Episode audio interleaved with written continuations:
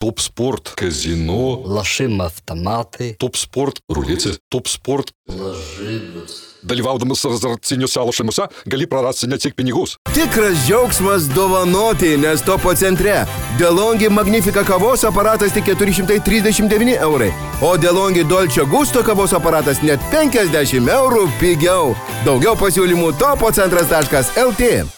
Sveiki, gyvi futbolo bičiuliai. Pasaulio futbolo čempionatas nesiliauja mūsų stebinės ir toliau, kai jau atrodo, kad, na, kur dar toliau, kur dar didesni netikėtumai, tie netikėtumai paima, nutinka ir įvyksta. Ir vakar vėl buvo įdomu, a, didžiausia sensacija pasirūpino Maroko rinktinė, ji išmetė Cristiano Ronaldo ir Portugaliją.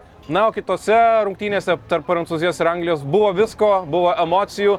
Buvo neįmuštų baudinių, buvo įmuštų baudinių, bet galų gale viskas nutiko taip, kad prancūzai tęsė titulo gynybą. Su jumis kartu Paulius Jekelis ir Rytis Višniauskas.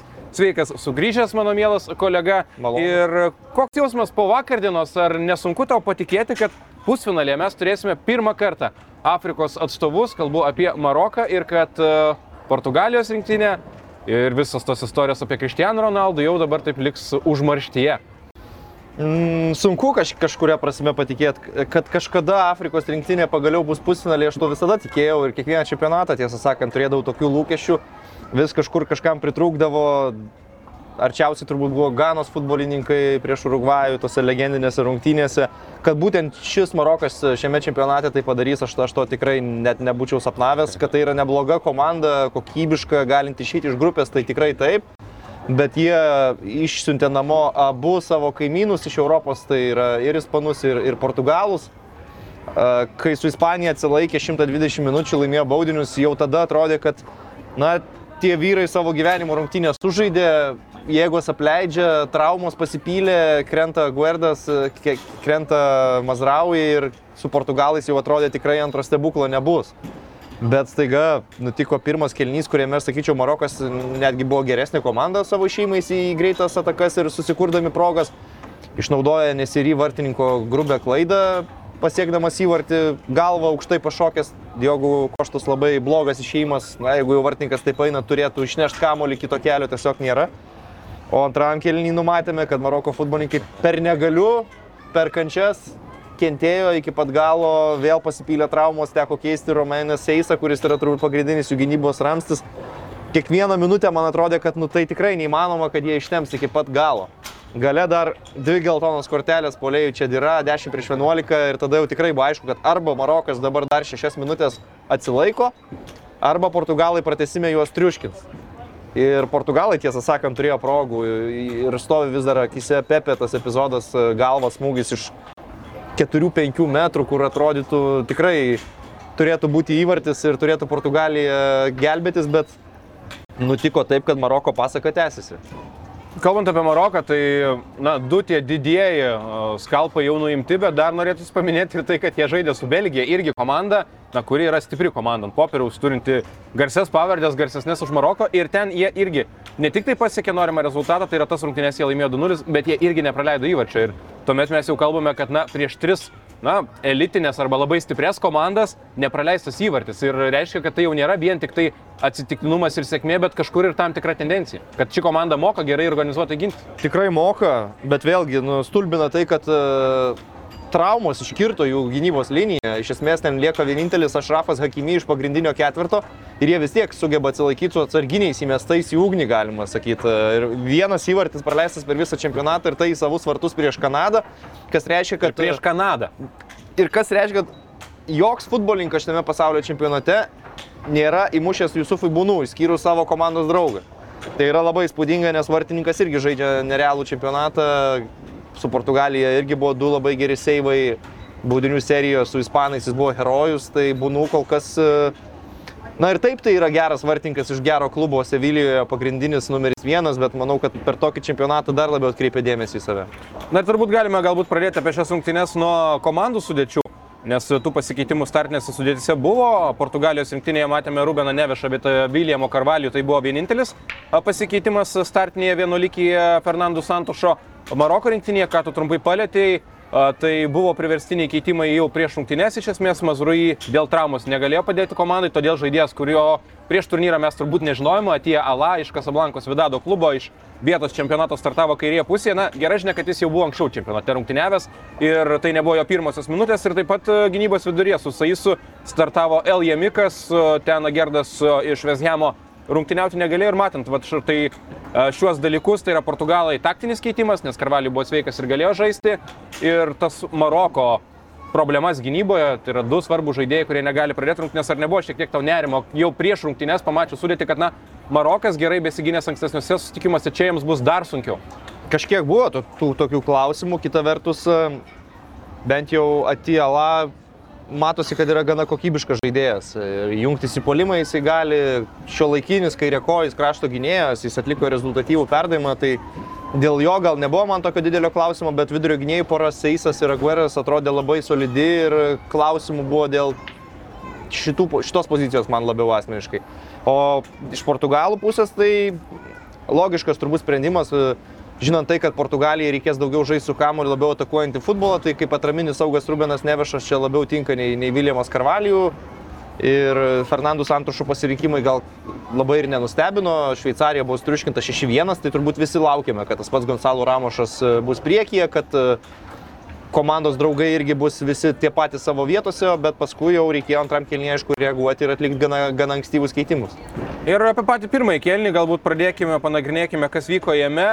Pirmasis kelnys baigėsi Marokui pirmaujant 1-0, kelnio pabaigoje Nesiri galva įmušė po beje atėję Ala perdavimo, ten ir vartininko klaida, apie kurią trumpai užsiminėjai, bet dar iki to įvarčio, tos 40 minučių, kokį tau paliko įspūdį, nes mane Marokas nustebino savo labai gerą žaidimo organizaciją gynyboje, tai yra Mes kalbame tik tai apie pusprogės iš esmės Portugalijos rinktinės ir tai, kaip jie sugebėdavo kartais iš Portugalų kontrpresingo išeiti į kontratakas, Taip. ten klaidinti po vieną, du varžovus ir susikurti erdvės priekyje ir tuomet jau ten 4 prieš 4, 3 prieš 3. Mane stebino gal ne tai, kad jie gali tai padaryti, bet kiekis, kiek kartų jiems per pirmą kėlinį pavykdavo štai taip pavojingai išeiti atakas. Kaip tau tos pirmas 40? Uh, tikrai sutinku, labai kokybiški buvo Maroko išėjimai į, į ataką ir tos kombinacijos žaidžiant senelėmis, tai Ziešas kažkur nusileidė žemiau prie šoninės linijos, išsukdavo kamolį, Unagi, Amrabatas abu iš aikštės vidurio turėjo labai gerų epizodų, išvedant komandą į polimą, be abejo, Hakimi ir, ir, ir jo greitis, Bufalas tas pats. E, Šiaip Bufalas ir Ziešas man yra tokie futbolininkai, kur iki 70 minutės jie duoda visko - kokybės, technikos, tolimų smūgių, greito žaidimo, bet e, paskui jie pradeda sėsti. Raudona vėliava tokia. Ir, ir, ir jau ta energija blėsta. Ir tai yra normalu, nes jie, na, Ziešas klube Chelsea beveik niekada nežaidė 90 minučių, Bufalas dabar yra nusileidęs truputį žemesnį lygį, Prancūzijos vidutiniokose žaidžia. Tai e, tiesiog pirmam kelinyje aš manau, kad Maroko taktinis planas labiau veikia. Nes Portugalai buvo, aišku, pasiruošę žaisti pozicinį futbolą, ieškoti savo progų ten, bet jų polėjas Ramušas per visą pirmą kėlinį nelabai net prie kamulio buvo prisilietęs, labiau kažką galbūt sukūrė Žau, Felixas, Bruno Fernandešas, bet Maroko greitos atakos buvo akivaizdžiai aštresnės. Aš gal įskirčiau atkarpą po įvarčio. Tada per tas porą minučių atrodė, kad Portugalai gali tuo chaosu pasinaudoti. Aikštėje prasidėjo daugiau emocijų visokių. Buvo tas keistas Bruno Fernandešo pusiau smūgis, pusiau perdavimas į Kaip skersą. manai, kas ten labai buvo? Aš manau, kad perdavimas buvo, bet e, žinant Brūnų, tai negali. Aš taip žiūrėjau, Nu. pakartojimą ir man, jeigu reiktų spėti, tai net labiau statyčiau gal, kad buvo smūgis. Nu, Brūnų galėtų sugalvoti tokį smūgį, bet aš vis tiek galvoju, kad labiau buvo perdavimas. Skirsinis ten, paskui buvo dar e, Žau Felikso gana pavojinga viena ataka, buvo Brūnų ir Otavijų bandymai vaidinti baudos aikštelėje. jau, to, jau tokie, nu, Juokingi, taip. Jokingi ir, ir kartus, ir paskui dar jokingiausia, kad tai yra nukrenti, laukia ir net to švilpuko nesulaukia, tada stojas, jau prie tavęs prieina ir Maroko žaidėjai, sako, nu ką tu čia ten svaigsti iš serijos. Tada atsistoja, jau staiga tau nieko neskauda, prie juos pykstant teisėjai, na toks Ir pažymėčiau, kad pačioje kelio pabaigoje Marokas ten iškentėjo dar 3 minutės Portugalų tokio agresyvesnio polimo ir patys vėl išbėgo į puikią ataką, kur tas pats e, Atijatas Sala atsidūręs geroj pozicijoje, stipria kairė koja. Tu gali tikėtis, kad žaidėjas tokioje situacijoje bent jau pataikys į vartų plotą. Jam kažkiek ten nepasisekė, matyti visas pilnas adrenalino išbėgo į, į tokią poziciją, akis išsiplėtusios noris įmušti įvartį ir nuslysta, kai kamuolys nuo kairės kojos, bet realiai ten buvo gera pozicija smūgiui ir jeigu būtų 2-0 po tokio kėlinio, Na, mes jau kalbėtume apie Portugalų tiesiog kritinę situaciją, nes prie rezultato 0-1 bent jau man per pertrauką mintis buvo tokia, kad e, Portugalai gali rasti sprendimų. Gali tas pas Kristijanų Ronaldų išeiti po keitimo ir pridėti komandai, kai vis tiek yra daug perdimų iš kraštų, daug e, kamolių keliamų į baudos aikštelę. Ir tikrai per pertrauką šiaip aš dar negalvojau, kad Marokas e, sukurs tą sensaciją iki galo. A, Kaip tau, mes kalbame, ar ne, kad Marokas gerai išeidavo į takas pirmame kelnyje, bet ar tu matai tame ir problemas tam tikras Portugalų žaidime, kad na, pernelyg lengvai būdavo jiems praradus kamuolį įveikiama ta jų gynyba ir paskui priekį tikrai erdvių būdavo labai daug, nes na, net ir žiūrint ankstesnės rungtynės, kad ir Maroko su Ispanija, na, ten Ispanai tarsi neleisdavo, net praradę kamulio. Tai buvo pavojingo atakų, nesakiau, nesakau, ten irgi keletas labai gerų kontratakų, bet net tas pirmajame kelnyje man atrodo, kad jų būdavo pernelyg daug ir kažkaip pernelyg lengvai.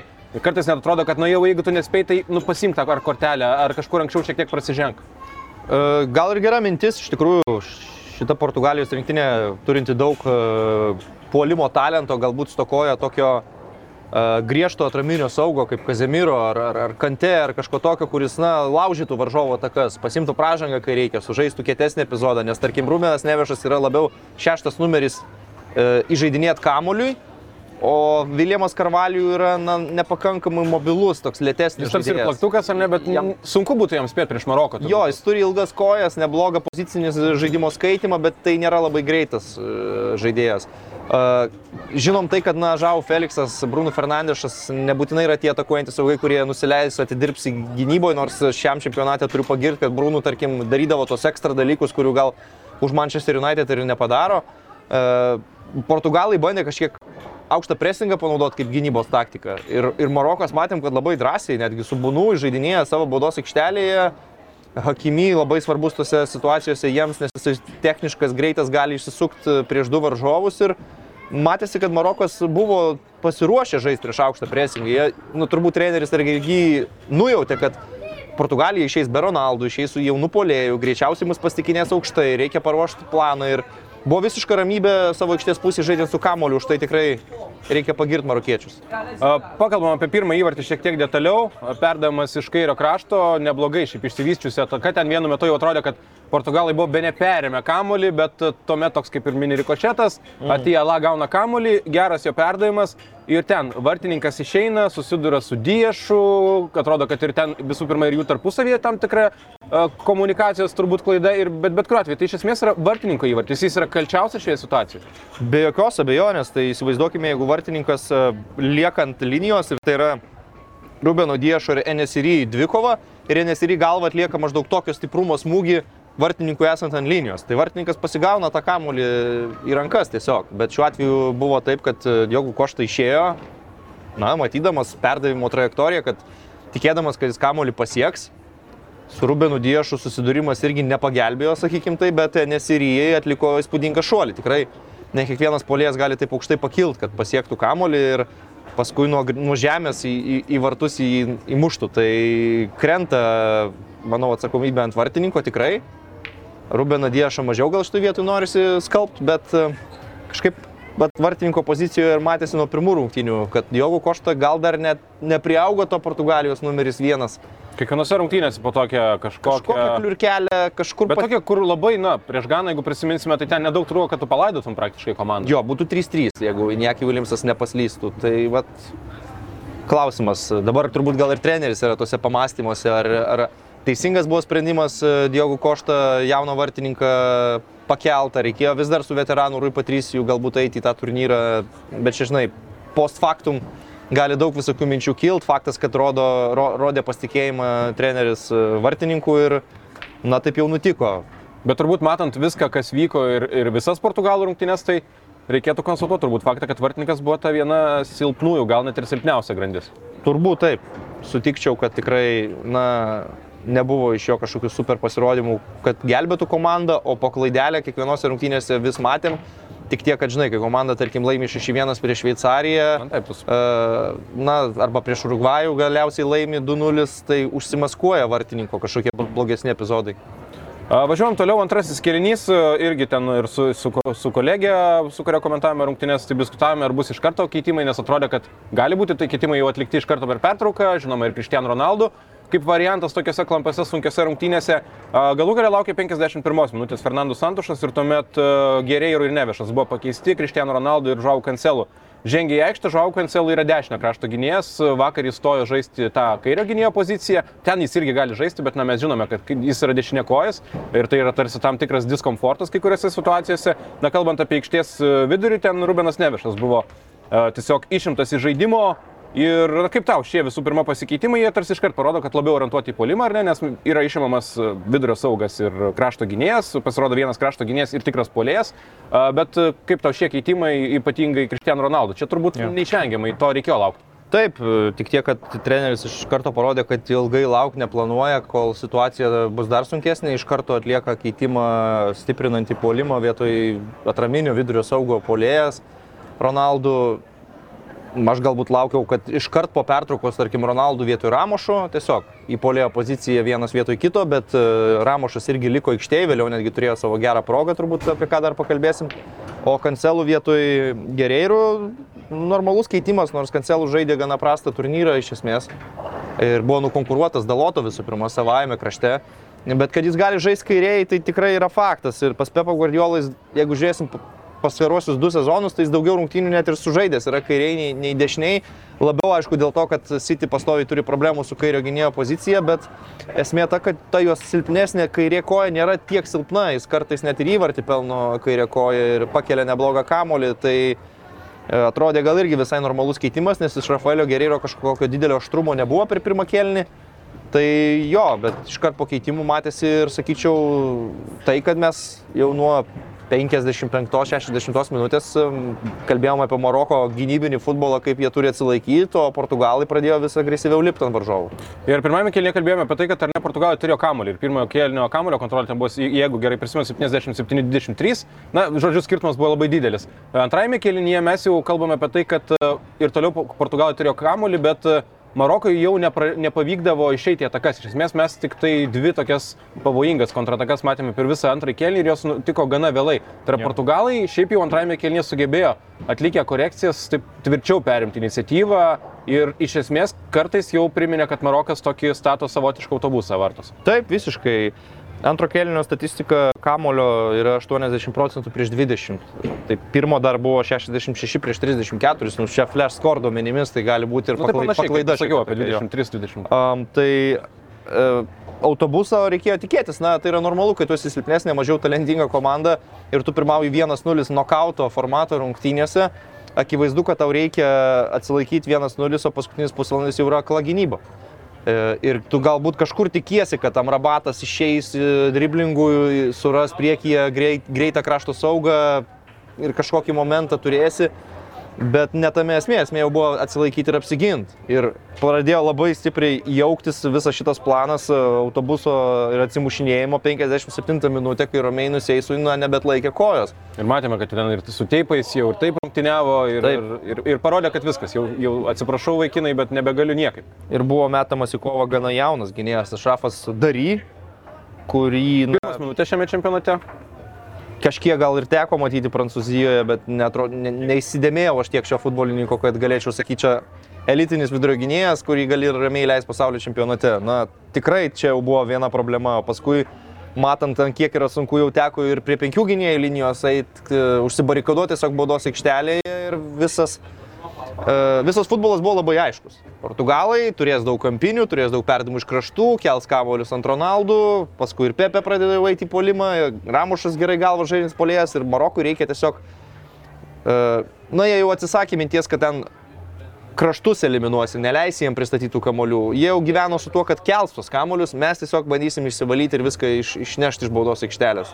Ir kaip sudėtinga Marokui, kai pagalvoja, ir tai turbūt dar labiau prideda tokių kreditų ir pagarbos jiems už tą išsaugotą rezultatą. Na, tu ir taip, kaip kalbėjome, jau startinė sudėtyje neturi dviejų gynėjų, kurie tikrai žaistų startinė Jo. sudėtyje. Tuomet iškrenta Saisas, tu realiai jau lieki su vidurio gynėjų pora, kuri šiame čempionate kartu nėra žaidusi.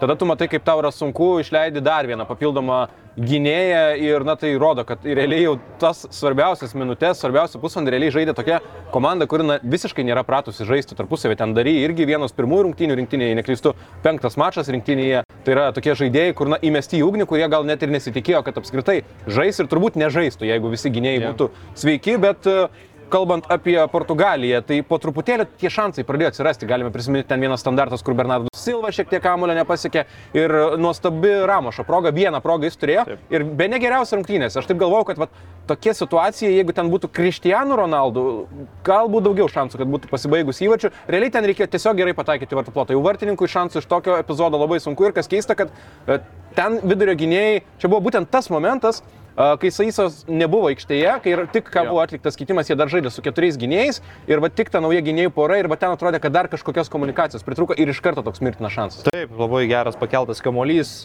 šiaip Ramošas viską gerai padarė, laiku pašoko, gerai sužaidė į kamuolį, nepataikė į vartus tiesiog. Ir, ir po to momento, man atrodo, neilgai trukus buvo dar epizodas, kai Maroko futbolininkai nepasitiko maždaug prie 16 m linijos Brūnų Fernandešu ir žinant šio saugo... Matant jau, kad tenais jis turi tą savo tarpelį, jau galvoju, viskas, jau, jau čia Na, to. tikrai, žinant šio saugo meistriškumą, kai jis turi prabangą atlikti du lietimus, pastaisyti kamuolį pirmu ir dešinę koją smūgiuoti vartus iš 17-18 metrų, aš tiesą sakant galvojau, kad bus įvartis, nes, na, Brūnų Fernandešas, manau, kad tokiose situacijose, jeigu ne 9 iš 10, tai 8 iš 10 tikrai siunčia po skersinių ir labai arti tiksla buvo Brūnų toje situacijoje ir iš jo paties reakcijos matėsi, kaip jisai uh, išgyvena, suprasdamas, kad čia buvo labai gera galimybė.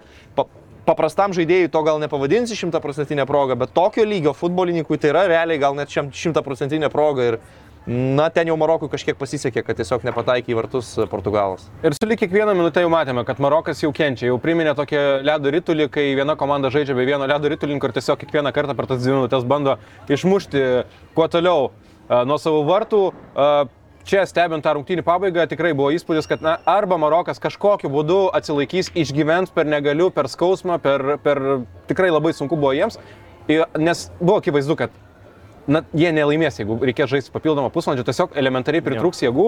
Ir 93 minutę dar ir čia dira susirinko per trumpą laiką dvi geltonas korteles, čia žaidėjas, kuris atrodo neblogas bėgikas, bet trūksta įgūdžių jam futbolo aikštėje, kalbant a, apie kamolį ir taip toliau. Ir, ir aišku, irgi parodo, kad Marokas neturi ilgo suolo. Tai yra, jau mes gynyboje matėme, kokie žaidėjai kyla nuo suolo, čia tavo, tavo polėjas, vos ne antras pasirinkimas po tavo pagrindinio polėjo, nes ir jį tu turi jau leisti seriją B komandos polėje, na, su visa pagarba tai nėra elitinis žaidėjas, bet rungtynių pačioje pabaigoje dar buvo kelios geros progos, kurias Portugalijos rinktinė turėjo ir turbūt jeigu taip viską reikėtų išskirti, tai Pepės šansas jo. buvo geriausias. Pepės geriausias.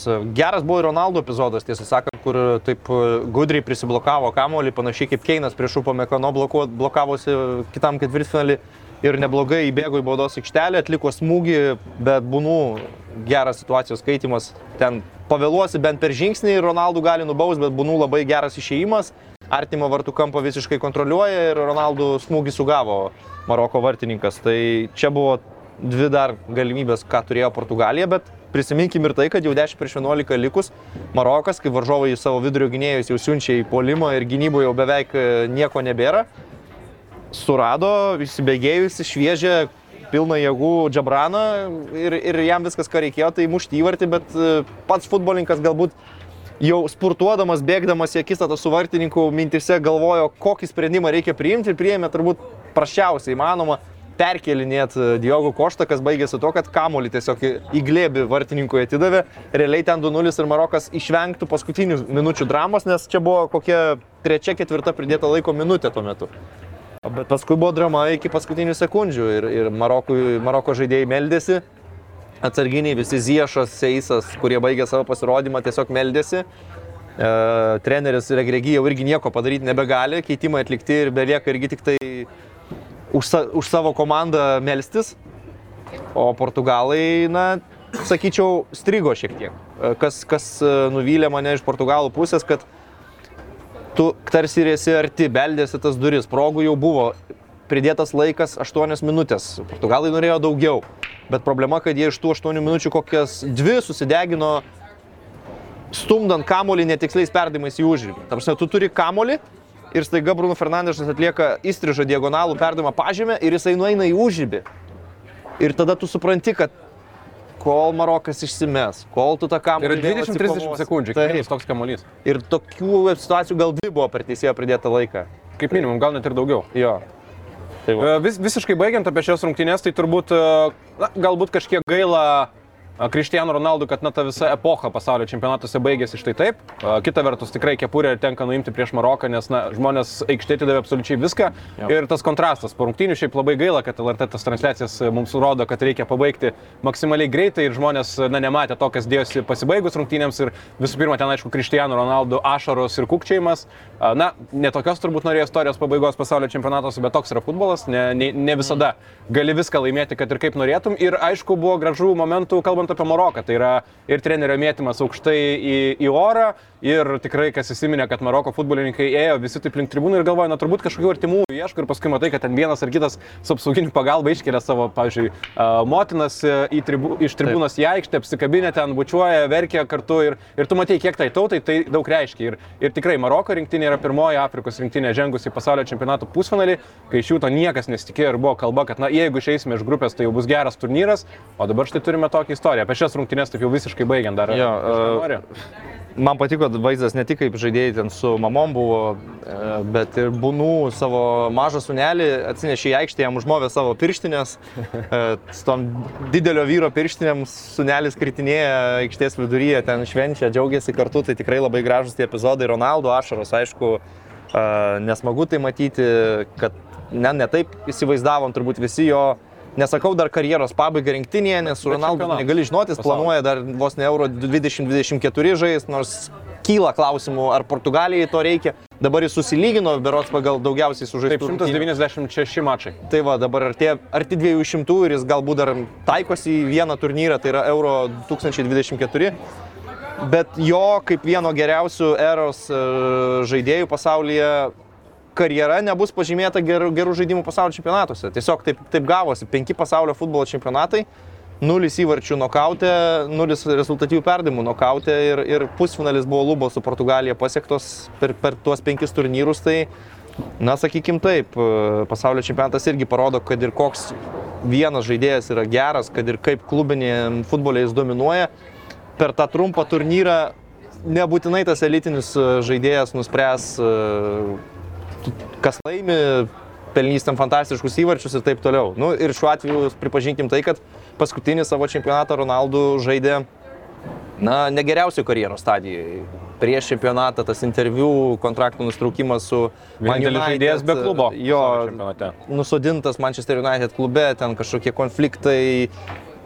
Čempionato metu irgi tapo iš startinės sudėties žaidėjo žai, atsarginių, tai, na, ne taip, ne taip galbūt įsivaizdavom, kad Ronaldo paskutinis pasaulio čempionatas atrodys, bet taip jau gavosi. Na ir juolab pralaimėta Marokui. Tai yra vis tik komandai, kad ir kaip bežiūrėtum, jie buvo underdogai šiame mače be jokių klausimų ir pralaimėta jiems, na turbūt ypatingai skaudu. Visiškai baigiant apie šias rungtynes, turbūt dar noriu trumpai labai paminėti, kad e, buvo, aišku, spaudos konferencijos, buvo komentarai ir Portugalo atstovai, ypatingai Pepe. Pyko ant teisėjo, ieškojo kaltų, sakė, kad Argentinai reikėtų įteikti taurę, kodėl teisėjo argentinietis ir taip toliau. Na, čia man toksai jau šauksmas tyruose kažkur, kur tiesą sakant logikos mažai matau ir nemanau, kad teisėjas buvo kaltas dėl to, kad vakar Portugalijos rinktinė neįveikė Maroko. Aš tiesą sakant, nemačiau kažkokių ten šokiruojančių teisėjo klaidų. Man atrodo, patys portugalai kalti. Jeigu mes pažiūrėsime į visumą, tai mes ką dar kalbėjome, ar ne, kad spaudė persvarą, bla bla bla bla, bet trys smūgiai vartų plotą. Tai trys smūgiai vartų plotą tiek pat, kiek Marokas. Tai yra tiesiog faktai. Na, taip, ne- neteisėjas čia nusprendė ir tai, ką sakė Pepe, Bruno Fernandešas irgi kalbėjo, tai yra Skonis man. tiesiog, čia tiesiog emocijos ir dalykas mm, kažkuria prasme suprantamas, kai žaidėjai po skaudaus pralaimėjimo praėjus 10 minučių eina pas žurnalistus kalbėti. Šiandien pakalbėtum Pepe, gal jis truputį kitaip jau kalbėtų, bet, e, nu, kas, ką pasakė, tą pasakė. E, Samokslo teorijas viniot, kad argentinietis teisėjas Aš nežinau, mes šiandien. Klauskite tenai prie baro. tai, Konsultantai, jeigu turite Jo. klausimų, visada per laidas prieikite, mes atsakysime, jokių problemų. tai va, tiesiog uždarant, sakau, nu, viniot samokslo teorijas, kad argentinietis teisėjas ėjo teisėjauti su mintimis, kad Messi turi tapti čempionu, Ronaldo turi pralaimėti, tai būtų nu, šizofrenija jau leng, lengva forma. Tai gal nereikėtų kabinėti šiuo atveju. Pagal šitą logiką jau iš viso negalėtų turbūt atkrintamosios teisėjo teisėjai, jeigu ta rinktinė ten kažkur Nu, kažkaip jau, jeigu Na, taip pritempinėjai. Ok, važiuojam toliau. Anglija, Prancūzija, desertas vakaro, bet na gavas taip, kad ir pirmas rungtynės buvo desertas visomis prasmėmis, intrigos, emocijų ir taip toliau. Uh, Anglija, pro, uh, Anglija, Prancūzija, uh, įdomus, fantastiškas futbolas. Galbūt pradėkime nuo sudėčių. Žinome, kad Prancūzija laimėjo tos rungtynės. Kaip tau komandų sudėtis? Ar buvo kažkokių netikėt, netikėtų dalykų, ar buvo kažkas, kas tave nustebino? Čia jau turbūt labiau turime kalbėti apie anglus, kur buvo daug prieš rungtynės diskutuojama. Penki gynėjai žais, trys gynėjai, tai yra penkių gynėjų linija žais, ar keturių gynėjų linija išlaikys Garetas Atgytas, kas vėlgi žais atakoje, tai kaip tau sudėtis? Tai nieko netikėto, nes buvo visiškai tos pačios sudėtis, kurios laimėjo aštuntfinalius, e, bet e, tų pamastymų tikrai buvo apie, apie galimybę žaisti penkiais gynėjais, tik tiek, kad galbūt šiuo atveju aš nemačiau didelės prasmės tą daryti, kai anglai taip gerai atrodė visą turnyrą. Dabar tu Kailą Walkerį nustumtum kaip trečią vidurio gynėją ir tada jau statytum dešiniai Kiraną Tripierą, man kažkaip nesijautė būtinybės tą daryti, žinant Walkerio gynybinius sugebėjimus. Tai buvo tiesiog pasitikima, kad jis e, su, tarkim, Deklano Raiso pagalba arba kur reikia nusileidžiančių Bukajo Saką suvaldys Mbappé, suvaldys Teo Hernandesą. Ir sudėtyse pamatėm, manau, tai, ko reikėjo laukti iš abiejų trenerių. Kalbėjai ar ne apie tai, kad a, vargu ar ten reikėtų trijų gynėjų linijas, bet jeigu žiūrėtume į taktiką, šiek tiek taktinės detalės, tai Anglijos rinktinės planas buvo gana akivaizdus.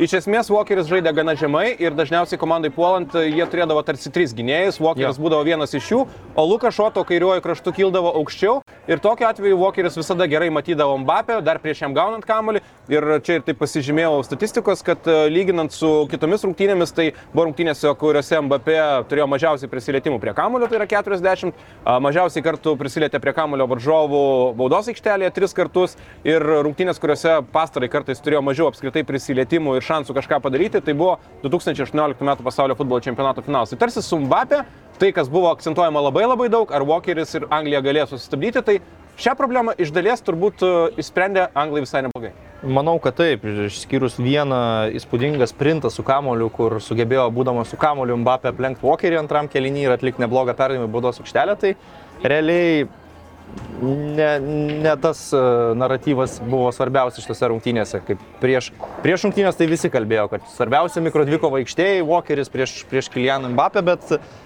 galima net pastebėti situacijų, kad tarkim Antuanas Grismanas eidavo į dešinę pas Dembelę ir jie ten kurdavosi pranašumą atakuodami per Luko Šo kraštą. Ir netgi ten labiau Prancūzija ieškojo savo pranašumų ir kartais juos rasdavo. Tai manau tik tiek, Mbappės klausimas šiuo atveju nėra toks aktualus, nors jis vis dar lieka. Jis galėjo būti aktualus, iš esmės Anglai kaip ir susitvarkė, bet žinant e, prancūzų talentą, tai uždarysi vieną, atsiskleis kitą. Iš kitų pozicijų gavo įvarčius faktas ir tiesiog, nu, Mbappé lieka vis dar rezultatyviausių turnyro žaidėjų. Na, ketvirtfinalyje kažkokių stebuklų iš jo nebuvo, bet čia vėl prieinam prie to, kad kartais per daug galbūt užkraunama hypo ant vienos žvaigždės, kai mes kalbame apie elitinį futbolą, kad ten vienas žaidėjas viskas spręs, nu taip niekada dažniausiai nebūna. Laimi komanda ir, ir laimėjo būtent prancūzai kaip, kaip komanda. A, Pirmasis įvartis, sužaidus 17 minučių, tokia ataka, kur visų pirma turbūt šuomenį, nuostabus smūgis, jaunas atraminių saugas, iš vieno žingsnio realiai. Tokią patranką ten net ne visada tikėsi smūgį iš tokios situacijos. A, ir visų pirma, kaip tau šis epizodas, ar galėjo ten vartininkas sužaisti geriau, nes na, buvo tokių nuomonių ir iš ekspertų pasiskaičiau, kad na, tarsi vartininkas turėtų reaguoti į smūgį, nors matėme transliacijos metu buvo rodomas ir smūgio tas stiprumas, bet a, dėl ko kalbame apie vartininko, galbūt ne patį idealiausią žaidimą, todėl kad smūgis nebuvo į patį patį kampą. Tai yra tarsi buvo galima sureaguoti geriau, bet kaip tau, ar čia labiau mes akcentuojame šuomenį talentą ir fantastišką sprendimą ir smūgį, ar čia galima kažkokiu akmenėliu šiek tiek įmesti ir Pickfordą dar? Nu, aš labiau norėčiau čiuomenį e, išskirti, kad e, pramušė pro kojas Džudui Bellingiamui, pataikė pakankamai stipriai akcentuotai į vartus. Taip, ne visai į vartų kampą, taip galbūt e, kiti žmonės geriau išmano vartininko profesiją ir supranta, kad nebuvo tobulas e, Jordanas Pickfordas toj situacijai, bet e, sakyt, kad čia jis e, grubę klaidą padarė ar ne, nežinau, ne tas gal atvejis. Man norėtųsi labiau kalbėti apie smūgį atlikusi žaidėją, bet kita vertus, atsukime laiką šiek tiek atgal. Prancūzų visa šita ataka prasidėjo nuo pražangos prieš Bukajo Saką, kurios teisėjas neužfiksavo. Ir ta pražanga jau buvo per toli, kad varas grįžtų prie to. Nes, na, per daug veiksmų jau nutiko po pražangos. Bet e, normalu, kad bent jau anglai ir anglų apžvalgininkai nepalieka ramybėje tokių epizodų. Ir tikrai Bukajo Saka buvo greunamas ten tuo metu, o paskui išsivystė visa ataka, kuri baigėsi Grizmano perdavimu, paridentų kamoliu ir čiuomenį tikrai puikių sprendimų smūgiuoti čia, kaip aš ir eterėje sakiau, Prancūzija tokių įvarčių tikisi iš polio Pogba, kai žaidžia. Tai čia buvo toks Pogba e, kalibro įvartis. Pirmas kelnys apskritai, kokį įspūdį tau paliko, toks dviejų pajėgių vienas kito vertų varžovių mūšis turbūt, ar ne? Visiškai, aš tiesą sakant buvau nusteikęs, kad e, anglams leis prancūzai daugiau žaisti pozicinio futbolo su kamoliu, tai yra e, vidurio gynėjams įžeidinėjant kamolį, Deklanui Raisui, nusileis prie jų, nebus kažkokio ten aukšto presingo, nes tai yra normalus žiūrų, nėra presingo mašina, o Kilianas Mbappé irgi iš to rinktinį yra atpalaiduotas nuo gynybinių funkcijų, jo visa energija yra į polimą. E, Tai iš esmės tai ir matėm, kad anglai žaidė tokį lėtesnį metodišką futbolą su kamoliu įžeidinėjant, o prancūzams labiau tinka netgi kartais žaisti kontratakomis, kai jie turi tiek greičio kraštuose ir turi tokius įspūdingus žaidėjus. E, Bet e, geras kelnys ta prasme, kad anglai po praleistų įvarčių niekiek nesupanikavo, toliau žaidė savo žaidimą ir manau, kad šitam kelnį du žaidėjus galima išskirti Anglijos rinktinėje, tai yra Keina ir Saka. Trūko Faudino pirmam kelnys, antram pradėjo rodytis visų gražumų, bet pirmam kelnys tai buvo Keinas ir Saka ir Harry Keinas, aš sakyčiau, buvo Dajo Pamekano nusivedęs į pradinės klases, tokių pam- pamokėlių davė kaip reikiant ir pasisekė prancūzam vienus atveju, kad e, Keina gerai pastiko Liorisas ir neutralizavo, kur prisiblokavimas nuo gynėjo buvo aukščiausio lygio ir pasisekė, kad nebuvo baudinio, nes e, manau pražanga prieš Keiną daugiau nei akivaizdi, bet turbūt su varo įvertinimu buvo nustatyta, kad kontaktas buvo ne baudos aikštelėje ir, ir išvengė baudinio prancūzai, bet čia du epizodai, kur Upamekano prieš Keiną pralaimėjo visiškai vieną kasą. Antrasis kelnys, važiuojam toliau, ten e, neprireikė labai daug laiko, kad Anglijos rinktinė išlygintų rezultatą. Ir taip jau susiklostė, kad kaip tik e, telefonu stebėjau kėlinį. Pirmą kėlinį tai yra žiūrėjau su, su kolegomis kavinėje. Tada kaip tik su taksi atvažiavau į miesto centrą ir taip telefoną nešuosi rankose ir sustoju prie vieno baro tiesiog pačioje Vilnius širdyje ir žiūriu televizorius ir sustoju su grupė žmonių, gal 20 žmonių ir žiūriu, o jie irgi žiūri tą patį Keino baudinys. Tai toks, nežinau, man tokia maloni akimirka, nes tada tu pajauti, kad, na, žmonės ar ne, savaitgalio vakaras, kai visi eina, na, kažkas eina tūsintis, linksmintis ir taip toliau. Ir ten 20 žmonių, ir merginos, ir, ir vaikinai, ir vyrai, ir, ir viena močiutė žiūri, o Keinas, Keinas. Ir tada įmuša Keinas baudinį, žmonės taip trumpai pasidžiaugia, tai tokia maloni e, situacija, bet, na vėl, a, kalbėjo apie tą situaciją pirmąją, pirmajame kelnyje, kur turbūt, kad buvo nustatyta, jog nebaudos aikštelė pražanga. A, Čia epizodas, kur baudinys turbūt buvo. Tai tikrai buvo be, faktas. Be, be kalbų. Visiškai buvo. Šuomenys. Jo, čia Saka labai gudriai, aišku, viską padarė, nu, atakuojantis žaidėjas tokioje situacijoje, jam tik reikia preteksto užkliūti už varžovo, susidurti su varžovu, kad, kad e, kristų baudos aikštelė, nes Saka kontroliavo kamolį. Tai šiuo atveju teisėjai iš Brazilijos nebuvo labai sunkus sprendimas. E, Bet e, iki baudinio aš pažymėčiau, kad jau buvo tokių simptomų, kad tikrai Anglijos rinktinė po pertraukos pradeda žaisti dar pikčiau. Tas pats Faudinas pradėjo jau rodyti savame krašte, pakėlė keletą gerų kampinių. Saka, prieš baudinį turėjo epizodą įsiveržęs į baudos aikštelę, kur atrodė, kad gali kairė koja pabandyti smūgiuoti iš aštraus kampo, jis atliko perdavimą, kuris nebuvo sėkmingas ir na, tas anglų uždirbtas baudinys ir rezultatų išlyginimas tuo metu atrodė pagal žaidimo logiką. Nes Anglija tikrai tuo metu, na, dominavo gal per stiprus žodis, bet kūrėsi epizodus ir, ir žaidė gerą futbolą. 78 minutė, Grismano perdavimas Olivier Žirų, muša įvartį, dar ir Rikošėtas, e, vėl pamatėme, ar ne, Žirų, vienas geriausių polėjų turbūt šiame pasaulio čempionate ir, ir vėl sunkias minutės, sunkus, e, sunkus laikas, nes anglai po to įvarčio matėme to pasitikėjimo dar daugiau ir tikrai simpatišką futbolą rodė anglai, bet prancūzai kažkur va tas vienas momentas, rungtynėse lygiuose, kur net e, nedrįščiau teikti, kad tuo metu prancūzai turėjo kažkokią ryškią iniciatyvą ar persvarą, bet vienas momentas, vienas perdavimas ir polės daro savo darbą. Visiškai taip. Ir vėlgi po to, kai Keinas rezultatą išlygino, Anglija turėjo nemažai standartinių padėčių. Buvo Harry Maguire smūgis galva. Ir ten taip gerai iš tikrųjų sužaidė. Taip. Ir nu, tikrai tuo metu nesijautė, kad Prancūzijos rinktinė yra geresnė komanda, kaip tik net gal žingsneliu priekyje žaidimo prasme atrodė Anglai, o labiausiai viskas švietė link pratesimo tikriausiai. Bet per vieną atkarpą aš netgi galvojau, žiūrų šitose rungtynėse gana sunkus vakaras, nelabai jis gauna prisilietimų prie kamulio, nelabai jam paranku galbūt kovoti su tokiais e, jėgo žaidėjais kaip Maguire'as ir Stonesas. Bet tada per vieną atkarpą du epizodai. Pirmas buvo kairė koja smūgis iš baudos aikštelės, kur Pikfordas puikią reakciją pademonstravo. Ir paskui tas Grizmano pakeltas kamuolys ir Olivier Žirų klasikinis, jo įvartis galva, taip, ten nuo, nuo Maguire dar kamuolys nulėkė, bet tai yra Žirų įrašytas įvartis. Na, tai tiesiog dar vienas įrodymas, koks legendinis polėjas Prancūzijoje yra Olivier Žirų. Tai nėra Thierry Henry ar Karimo Benzema talentų žaidėjas, bet jeigu tu paimsi visus turnyrus, kuriuose jis žaidžia, tai atrodo nepakeičiamas žmogus didė dešamus. Ir jis vis dar tokiu išlieka ir, nu, čia Grizmanas, Žirų, seni geri žaidėjai, kai kurie ir prieš ketverius metus e, vedė komandą, sakykime, taip Žirų gal prieš keturis metus įvarčių nemušė, šiame čempionate jis jau yra vienas rezultatyviausių, nu, čia irgi pa- pasirodo ta ir patirtis, ir kokybė, apie ką mes visada kalbam. Bet e, tai nebuvo viskas, kadangi prabėgo vos penkias minutės, e, Masonas Mountas pasirodo aikštėje. Tolimas perdavimas, e, žaidėjas net neaišku, susistabdytų kamuolį, nesusistabdytų, nes tikrai sunki situacija. Ir Teo Hernandesas žaidžia labai rizikingai. Rėžęs į varžovą, rodo, kad žaidžiau petimi, anglų protestai prašo varo peržiūrą, žaidimas dar kurį laiką tęsiasi ir tikrai tai nėra tokia situacija, kur tu pamatęs ją, ypatingai greityje, 100 procentų iš karto sakytum, čia bus baudinys, bet e, buvo aišku, kad varas turbūt įsikiš. Ir dar kokias 20 sekundžių vyksta žaidimas, tuomet stabdymas ir teisėjas klauso, klauso, klauso, klauso, galų gale parodo šitą ženklą, šiais laikais tai rodo, kad 90 plus procentų jog bus baudinys, naina, pasižiūri, kai žiūri sulėtintai tą epizodą, tai atrodo jau ten, kad e, labai jau ten brutaliai varžovą tiesiog nudaužė Teo Hernandesas. E, Galų galės skiriamas baudinys.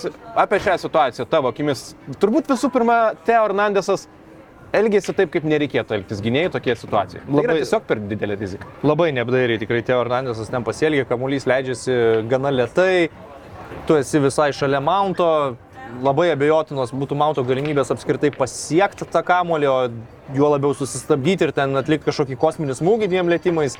Viskas, ko reikia, tai neprisidaryti nesąmonių. Ir aš sutinku, kad tikrai ne kiekvieną kartą, ne kiekvienas teisėjas skirs tokį baudinį. Ir, ir šį kartą netgi, kai nepaskyrė teisėjas žaidime, aš kažkaip galvojau, kad gal ir ne, nebus Taip, jūs taip labai ramiai komentavot. man kažkaip jautėsi, kad net, neturėtų galbūt, e, nes, na, peržiūra ir sprendimo pakeitimas tai jau yra kaip ir pripažinimas, kad teisėjas suklydo. Tai šiuo atveju, nu, po sprendimo matėme reakcijas prancūzų, matėme ir kad anglai neužteko jiem, kad baudinį skyrė, priejo Belingiamas, e, Mountas sako, kur kortelė. Po to ir kortelė dar parodyta Teo Hernandesui. Ir, na, nežinau, kaip ir tu negali sakyti, kad e, čia yra blogas teisėjo sprendimas. Čia labiau vis tiek turi kalbėti apie Teo Hernandeso neatsakingą polgį baudos aikštelėje, kur, kaip aš sakiau, galėjo būti blogiausia jo gyvenimo pražanga. Bet paskui jau nutiko tai, kas nuo, nepriklausė nuo Teo Hernandeso.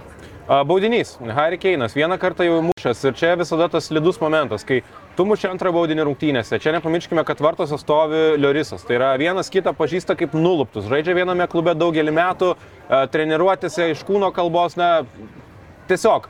Ir tokias situacijas tikrai sunku atakuojančiam žaidėjui, nes, na, ką daryti, mušti ten pat, mušti į kitą pusę, vartininkas pažįstamas, įtampa, įtampa, psichologinis faktorius. Ir žinome, kad Keinas visada muša stipriai, galingai, akcentuoti smūgiai, dažniausiai tokie, kur pataikai, šansų mažai vartininkui, labai mažai. Šį kartą smūgiavo aukštai debesis ir šiandien skaičiau, ką rašė Alanas Šyreris, irgi na, legendinis futbolininkas, kuris irgi yra buvęs panašiose situacijose per savo karjerą, mušęs atsakingus baudinius ir jis sakė taip, kad štai šis momentas prisi, jo prisiminimuose, jo sapnuose išliks iki gyvenimo galo, taip yra ir man, aš prisimenu keletą baudinių savo karjeroje, sapnuoju, įsivaizduoju, kad juos įmušu, bet atsikeliu ir suprantu, kad na, realybė yra kitokia. Šis momentas čia. Bet dar kas patiko, ką ir Šyreris rašė ir ką manau, kad labai tame yra daug tiesos, kad na, tokia akimirka tu turbūt, būdamas anglų gerbėjų, trenerių, žaidėjų, na, tu supranti, kad tai yra geriausias pasirinkimas. Tai yra patikimas baudų muš- mušikas, tai yra kapitonas, psichologiškai tvirtas žaidėjas, pasitikintis savimi. Čia turbūt negalima kalbėti apie tai, kad o kodėl Keinas mušė, gal reikėjo statyti kažką kitą. Čia tiesiog, ar ne? Ne, faktas, čia neįmanoma buvo, kad muštų kažkas kitas. Keinas pasižymintis labai gerą baudinių realizaciją ir klube, ir rinktinėje, kaip tu ir sakėjai, jis dažniausiai smūgiuoja stipriai į viršutinį vartų kampą, šyrerio stiliumi, būtent beje, šyreris tokius baudinius irgi muždavo labai panaš, panašius. Tai po to pirmo smūgio, nu tikrai nebuvo jokių abejonių, kad Keinas vėl eis prie kamulio. Ir, na, gal kažkuria prasme pranašiškas buvo transliacijos režisieriaus kadras, parodė Davidą Bekemą prie, prieš pat baudinį, žinom Bekemo istorijos su pramuštais baudiniais, žinom Euro 2004 baudinių seriją su portugalais, kur buvo kamuolys paleistas irgi smarkiai virš vartų.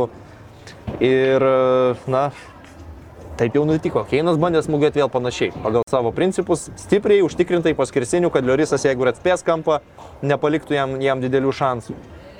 Na, nepataikė, smūgis per stiprus, neapskaičiuotas. Na, čia reikia suprasti paprastą dalyką, kad toks smūgis lemiamuose pasaulio čempionato rungtynėse, tokia atsakomybė, tai yra, na, įtampa, kuri gali paveikti net ir pačius geriausius pasaulio futbolininkus. Jie nėra robotai. Mes žinom, kad Roberto Badžio 94-ais tuo metu buvo laikomas geriausių pasaulio žaidėjų daugelio. Irgi nuėjo, pasistatė, nepataikė į vartus ir paskui visą gyvenimą jį persekiojo tas dalykas. Žinom, kad anglams skaudėjo po Eurofinalo, kur jaunie, jaunieji žaidėjai mušti ir ne, ne, ne, neįmušė Saka, Sančio. Tai man liūdniausia, jeigu kažkas dabar pradeda kaltinti Keiną dėl anglų pralaimėjimo ir, ir drapstosi ant jo. Harry Keinas žaidė fantastišką turnyrą ir puikų ketvirtfinalį. Tu negali prie to žmogaus kabinėtis, kad jisai kažko nepadarė Anglijai ar, ar, ar, ar buvo nusivylimas. Nu, dėl tokio dalyko, nu, gaila man Hario, bet, nu, toks futbolas, toks gyvenimas. Aštuonios pridėtos minutės e, bandė anglai, e, darė ką galėjo, bet e, nieko panašaus į tą gerą šansą, kurį turėjo Keinas nuo 11 m žymos jau per likusį laiką. Taip ir nesukūrė, atsilaikė Prancūzijos rinktinė ir ten paskutinėmis sekundėmis pražanga, vėl aktyvus Magvairas, kuriam, nežinau, jaučiu pagarbą jam už šį turnyrą, už atsidavimą, buvo klaidelių, buvo kai kurių rungtynių gal prastesnių, bet čia irgi, na, kovojo iki galo, Uždirbtas standartas, Rešfordas smūgiuoja ir tai buvo paskutinis šansas, trūko, šiek tiek trūko anglams e, apibendrinant galbūt šias rungtynes. Ką gali pasakyti apie Angliją? Daug kas, aišku, mėgsta ten juoktis, it's coming home, bla bla bla, bet man kažkaip šį kartą, tiesą sakant, aš nesu anglų fanas, niekada nebuvau, bet to pačiu ir nesu hateris. Man visai patinka ta jų karta, man kažkiek gaila, man kažkiek gaila anglų, nes vakar jie žaidė tikrai neprastesnį futbolą. Tikrai ne, tai yra gera, solidi komanda ir šitos rungtynės drąsiai galėjo būti čempionato finalas pagal kokybę ir pagal komandų pajėgumą, bet, na, tinklelio čempionatuose tu nepasirinksi. Tu laimi savo grupę, prancūzai laimi savo ir tu sueini su jais žaisti ketvirtfinalyje. Galima kalbėti apie tai, kad Anglija turbūt yra geresnė už 3 iš 4 dabar pusfinalio komandų. O su prancūzais yra visiškai vienam lygyje, ką rungtynės ir parodė. Patys prancūzai po rungtynių kalbėjo. Čiomenį davė interviu prancūzijos televizijai ir sakė, kad mėly žmonės, mes uh, turėjom kentėti atkarpomis, nes anglai žaidė įspūdingą futbolą ir tai yra tiesa tu matai šitą komandą su Bellingiamu 19 metų, Saka 21, Paudenu 22 kažkur taip pat.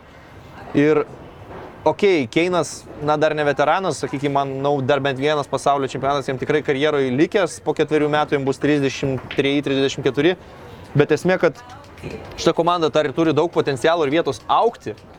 Ir šia, šitam turnyrė Garitas Augytas netgi parodė lankstumą, kad jis yra, gali būti ir drasus treneris, nebūtinai toks konservatyvus, kaip galbūt ankstesniuose čempionatuose. Tai, na, pozityvių pralaimėjimų turbūt nebūna. Ir kai tu ketvirtfinalį iškritai, tau skauda, bet uh, tai yra elitinė komanda. Tai yra komanda, kuri prieš bet ką, tiek prieš brazilus, tiek prieš prancūzus, laisvai gali laimėti vienose rungtynėse, bet gali ir pralaimėti, nes nu, riba va tokia. Na ką, turbūt tiek, gana plačiai, manau, aptarėme tai, kas vyko vakar dienos rungtynėse. Aišku, dabar dviejų dienų pertrauka pasaulio futbolo čempionate. Tačiau tai nereiškia, kad mūsų pokalbio ir mūsų laidelės nebus rytoj. Rytoj taip pat per Osportas galėsite stebėti laidą, kurioje kartu su ryčiu nuspręsime, išrinksime ir aptarsime simbolinę šio turnyro vienuolikė. Taip kad prenumeruokite kanalą ir susitinkame rytoj. O dabar ačiū uždėmesi. Iki Топ-спорт, казино, Лошим автоматы. топ-спорт, рулети, топ-sport. Lažybos. Dalyvaudamas azartiniuose lošimuose gali prarasti ne tik pinigus. Tikras džiaugsmas dovanoti, nes topo centre. Delongi Magnifica kavos aparatas tik 439 eurai, o Delongi Dolce Gusto kavos aparatas net 50 eurų pigiau. Daugiau pasiūlymų topocentras.lt.